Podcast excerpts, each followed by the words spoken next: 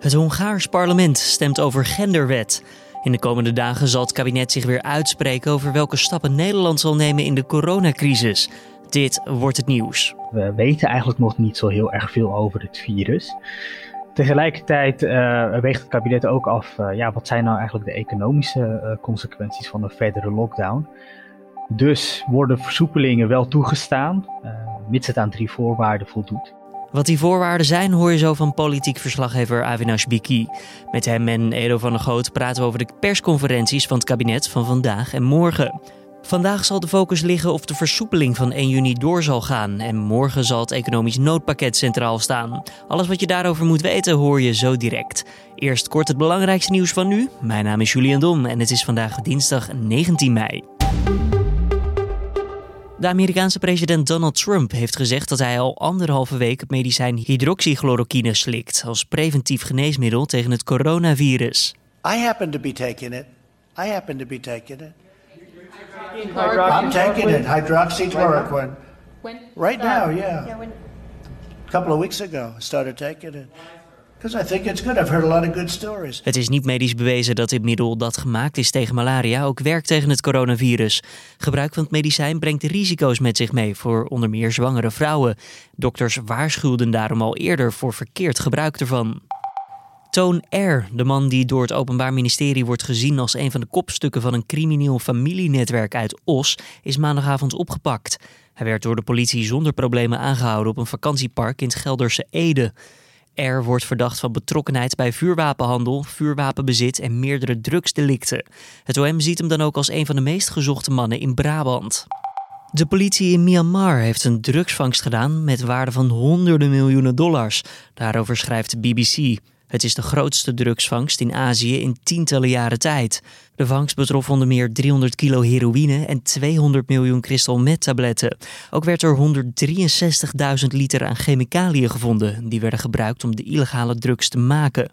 Bij de operatie zijn in totaal 33 verdachten aangehouden. Paleontologen van het Argentijnse Museum voor Natuurwetenschappen hebben de 70 miljoen jaar oude resten van een megaraptor gevonden. Het is waarschijnlijk een van de laatste vleesetende dinosaurussen die op aarde heeft geleefd.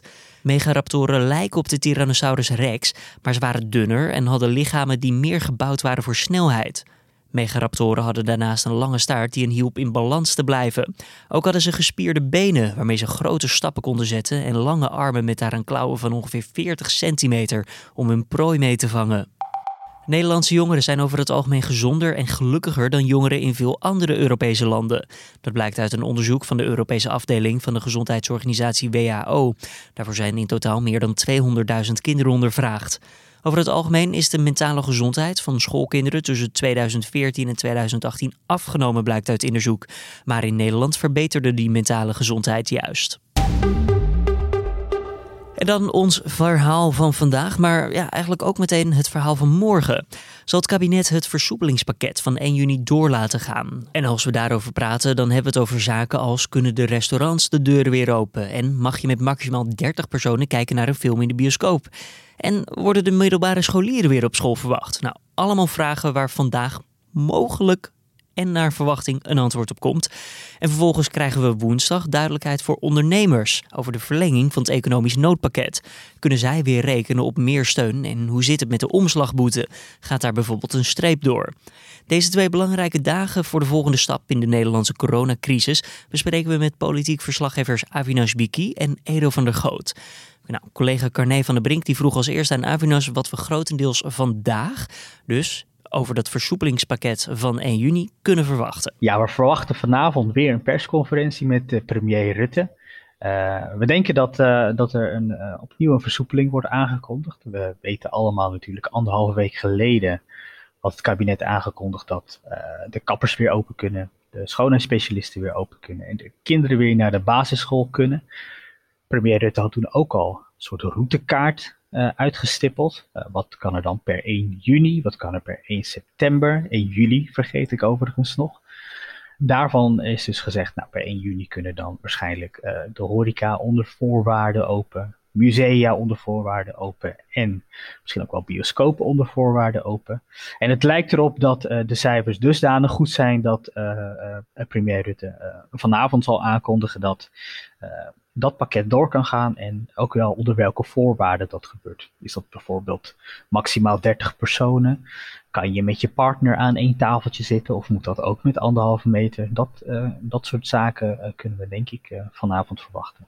Ja, alleen premier Mark Rutte heeft altijd gezegd dat we daar voorzichtig mee moeten zijn. Want wat zijn de voorwaarden om, om dit allemaal dan 1 juni te laten gebeuren? Ja, klopt. Hij heeft eigenlijk tot voor kort is hij altijd heel erg voorzichtig geweest. Hij heeft ook wel gezegd dat het virus natuurlijk een, een, vijand is dat ons van achter aanvalt. We weten eigenlijk nog niet zo heel erg veel over het virus. Tegelijkertijd uh, weegt het kabinet ook af, ja, wat zijn nou eigenlijk de economische consequenties van een verdere lockdown? Dus worden versoepelingen wel toegestaan, mits het aan drie voorwaarden voldoet. En dat is dat de, dat de IC-opnames, dus de mensen die op de intensive care belanden, dat dat afneemt. Dat ook het aantal bevestigde besmettingen afneemt. En je zag vorige week eigenlijk al dat premier Rutte daar positief over was. Hij zei dat de cijfers uh, positief zijn, dat die er goed uitzien. En um, ja, dat eigenlijk de weg open ligt voor verdere versoepelingen per 1 juni. Alleen de vraag is, in hoeverre zijn de bedrijven daar zelf blij mee? Versoepeling is natuurlijk altijd goed, alleen je moet ook kijken naar ja, of het rendabel is. Hè? Daar, daar zijn nogal wat zorgen over volgens mij. Ja, voor ondernemers is het natuurlijk ook wel de vraag... Uh, hoe ga je zo'n terras dan inrichten? Hoeveel ruimte ga je ertussen openlaten voor een restaurant? Uh, dat met de anderhalve meter wil, wil werken, uh, hoe hou je dat dan? Uh, hoe hou je dat dan? Die, afstand, hoe hou je dat in acht? Een bioscoopzaal bijvoorbeeld, hoeveel mensen mogen er dan in? En in hoeverre wordt het dan rendabel inderdaad om zoiets te draaien? Ehm, het kabinet is wel in gesprek bijvoorbeeld met de horeca, hoe ze dat gaan oplossen. Um, ik denk dat we daar ook veel meer, uh, veel meer duidelijkheid over krijgen.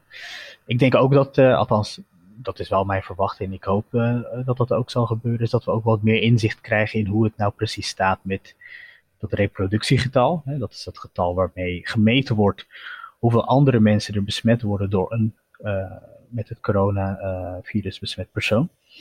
En dat in combinatie met het grootschalig onderzoek, wat er nog gedaan moet worden.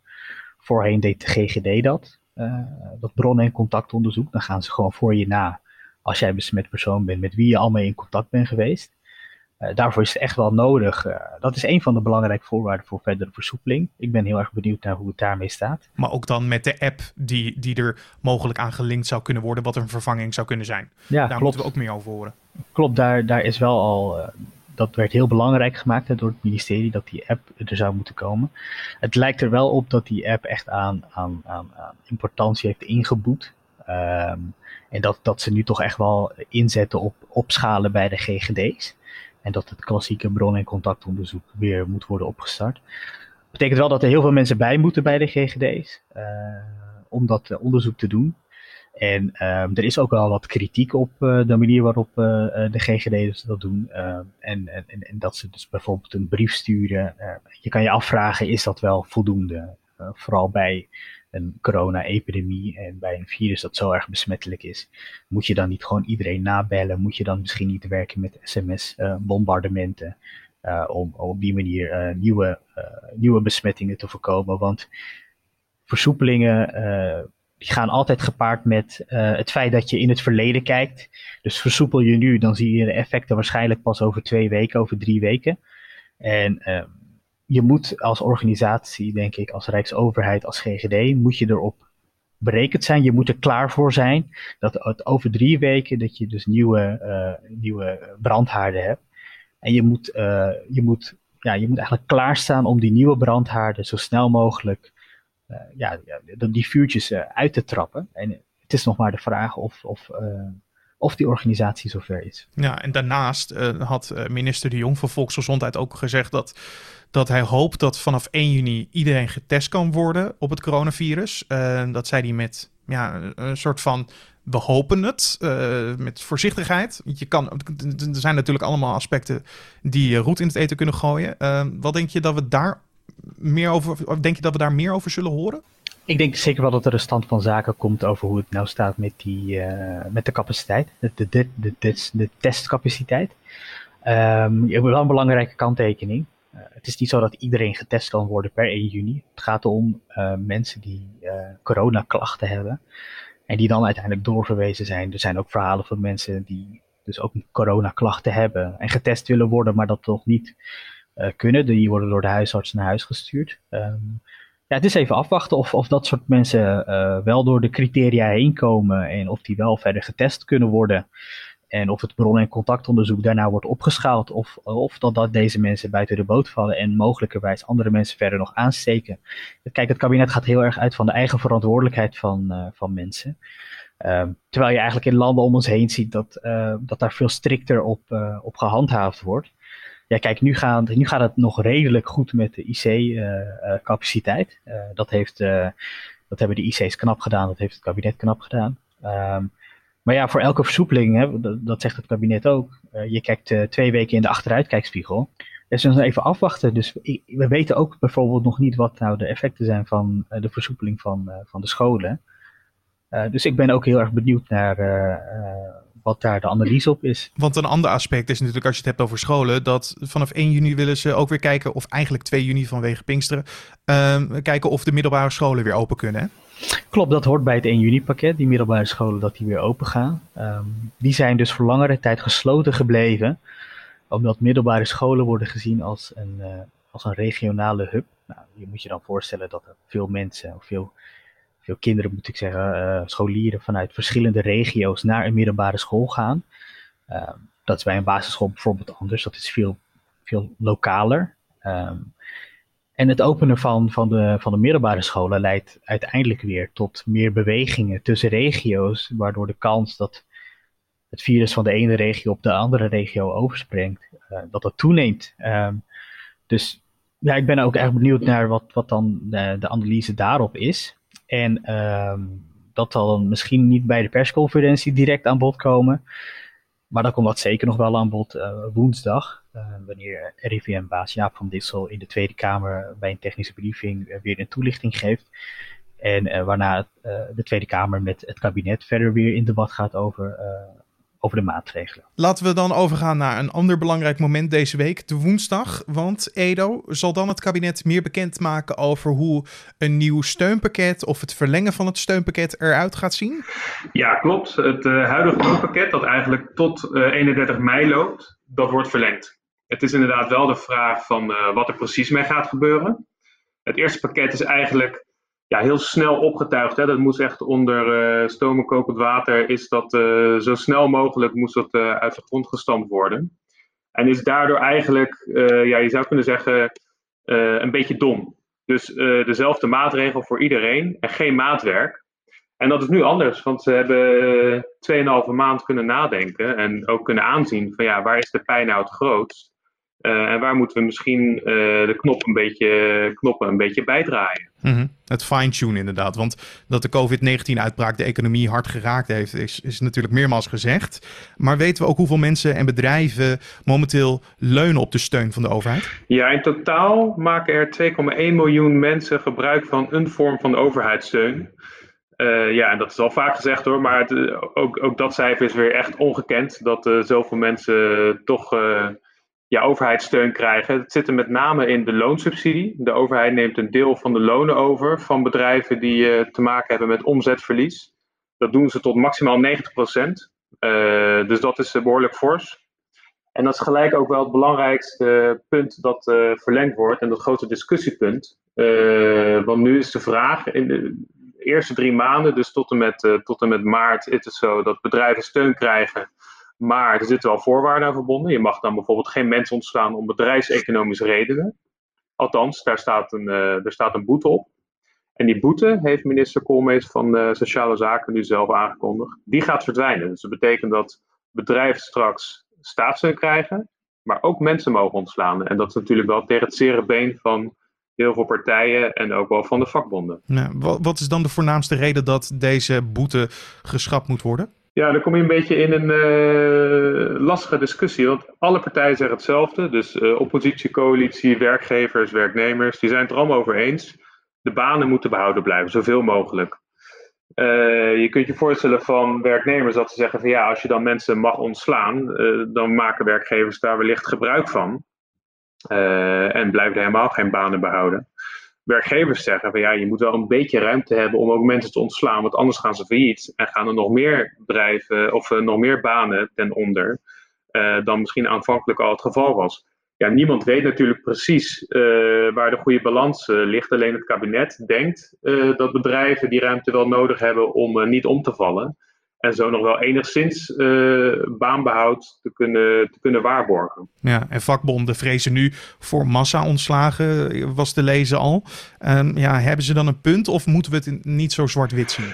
Nou ja, kijk, je kunt natuurlijk nog niet zeggen dat er sprake gaat zijn van massa-ontslag. Uh, massa-ontslagen. Het is natuurlijk ook niet zo dat bedrijven, die willen natuurlijk niet graag mensen ontslaan. Hè? Ik bedoel, uh, werkgevers zitten niet te wachten op het feit dat ze snel mogelijk uh, personeel kunnen kwijtraken. Dat is natuurlijk nooit een doel op zich, want die mensen heb je natuurlijk ook opgeleid, die hebben ervaring, dus die wil je in principe ook gewoon bij het bedrijf houden. Uh, dus het zal, ja, het zal blijken of het inderdaad uh, een gigantische golf van ontslag teweeg brengt.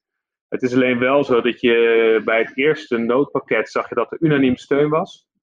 dat is best opmerkelijk, dat gebeurt niet zo vaak, al helemaal niet voor zo'n ontzettend groot pakket. Uh, en nu zie je al dat uh, de politiek echt verdeeld is. Bijvoorbeeld, er was vorige week een motie van de PVV om uh, die boete gewoon in stand te houden. En je zag dat bijna de hele oppositie daarin meestemde. En alleen de Forum voor Democratie, SGP en oud-VVD'er van de Haga die stemden met de coalitiepartijen mee. Dus je ziet dat opeens is er nog maar een kleine meerderheid die uh, dit onderdeel van het noodpakket steunt. En dat is een heikel punt wat er nu ligt. Uh, we moeten gaan kijken hoe zich dat ontwikkelt. Um, zijn er nog kort andere dingen die nu al duidelijk zijn over het steunpakket? Ja, wat je wel ziet is dat werkgevers die roepen al een tijdje om uh, compensatie voor kosten die ze hebben gemaakt vanwege de coronacrisis. Er zijn natuurlijk een aantal sectoren waarin ja, die gewoon echt dicht moeten. Dus de overheid heeft gezegd, jullie mogen niet meer geen omzet meer maken en geen winst meer maken. Of jullie kunnen dat niet doen. Maar de kosten van die bedrijven lopen natuurlijk wel door. En dat uh, naast die personeelskosten hebben we natuurlijk ook over de huur, over energierekeningen, over uh, contracten van, uh, van software bijvoorbeeld, investeringen, nou noem het allemaal maar op. En daarvan zijn ze nu wel kortachtig aan het rekenen van ja, hoe kunnen we die mensen nou gaan compenseren? Je kan niet alles betalen, dat gaat zeker niet gebeuren. Dat heeft uh, Erik Diebes, de minister van Economische Zaken, ook uh, maandag nog laten weten in een Kamerdebat. Maar ja, er, zal wel een manier moeten komen om die kosten misschien deels te vergoeden. Uh, maar welke verdeelsleutel dat wordt en welke bedrijven daar aanspraak op kunnen maken, ja, dat zullen we woensdag ongetwijfeld allemaal horen. Maar dat is een behoorlijke puzzel. Daar hoorde je politiek verslaggevers van nu.nl, Avinash Biki en Edo van der Goot. En natuurlijk zullen we vandaag ook uitgebreid verslag doen van die persconferenties. En dan moet je denken aan artikelen, liveblogs, video's en analyses. En mocht je nou iets niet duidelijk vinden de komende dag, laat dan ons ook vooral weten via Nu Jij. Want als je met een vraag zit, hopen we dat we die voor je kunnen beantwoorden. En als dat niet zo is, dan gaan we het zeker voor je uitzoeken. Dan kijken we ook nog eventjes verder naar de nieuwsagenda voor deze dag. Zo stemt het Hongaarse parlement over een wet die de rechten van de LHTBI-gemeenschap inperkt. De regering, geleid door de partij Fidesz, wil de term geslacht anders definiëren, zodat transgenders altijd het geslacht wat zij bij hun geboorte hadden, moeten aanhouden. Premier Viktor Orban heeft tijdens de coronacrisis zijn macht inmiddels uitgebreid en kan daardoor makkelijker ook wetten doorvoeren. Het is niet duidelijk of de wet ook met terugwerkende kracht zal gelden. Dan nog even het weerbericht voor deze dinsdag. Het wordt een grotendeels zonnige dag, al trekken de ochtends nog wel wat wolkenvelden over het midden en noorden van het land. Op de Wadden is er een kleine kans op regen en verder wordt het zo'n 16 graden in het noorden tot 24 graden landinwaarts bij een matige westenwind. En dan nog eventjes dit. Het Roald Dahl-boek De Reuzenperzik wordt namelijk door een flink aantal bekende acteurs voorgelezen en dat allemaal voor het goede doel. Onder andere Meryl Streep, Chris Hemsworth en Benedict Cumberbatch zullen omst de een gedeelte uit het boek voordragen. En dat is een initiatief van regisseur Taika Waititi, die je misschien weer kent van de film Jojo Rabbit. En verder verlenen ook Kate Blanchett, Ryan Reynolds, Lupita Nyong'o en Mindy Kaling hun medewerking aan het project, dat de komende weken wordt uitgezonden via YouTube. En dit was dan de Dit Wordt Nieuws ochtendpodcast van deze dinsdag 19 mei. Dan nog een klein oproepje. Misschien hoorde je het gisteren ook al in de middagpodcast. Hou je nou van het luisteren naar deze podcast en lijkt het je leuk om ons nu.nl bedoel ik dan, te spreken over jouw nieuwsgebruik. Nou, dat kan. Volgende week zouden we voor ons onderzoek graag jouw ervaring willen horen over je nieuwsgebruik. Nou, mocht je dat leuk lijken en wil je het meedoen, mail dan eventjes naar of ari-nu.nl of podcast-nu.nl. En dan zorgen wij dat het bij de juiste persoon terechtkomt. Verder, tips of feedback zijn natuurlijk ook altijd welkom via podcastapenstaartje.nu.nl. En heb je een vraag voor de hoofdredacteur voor de Week van Nu? Zoals je weet nemen we deze week de Week van Nu podcast met Gert-Jaap Hoekman op woensdag op. Deze wordt vrijdag uitgezonden. Dus heb je nou een vraag voor Gert-Jaap? Mail dat dan nog eventjes vandaag of uiterlijk morgenochtend naar podcastapenstaartje.nu.nl. Dan nemen we dat nog eventjes mee voor het hemelvaartweekend. Wens ik je voor nu in ieder geval een fijne dinsdag. Vanmiddag is mijn collega Carne van der Brink er weer met de middageditie van deze podcast. En ik, Julien Dom, ben er morgenochtend weer.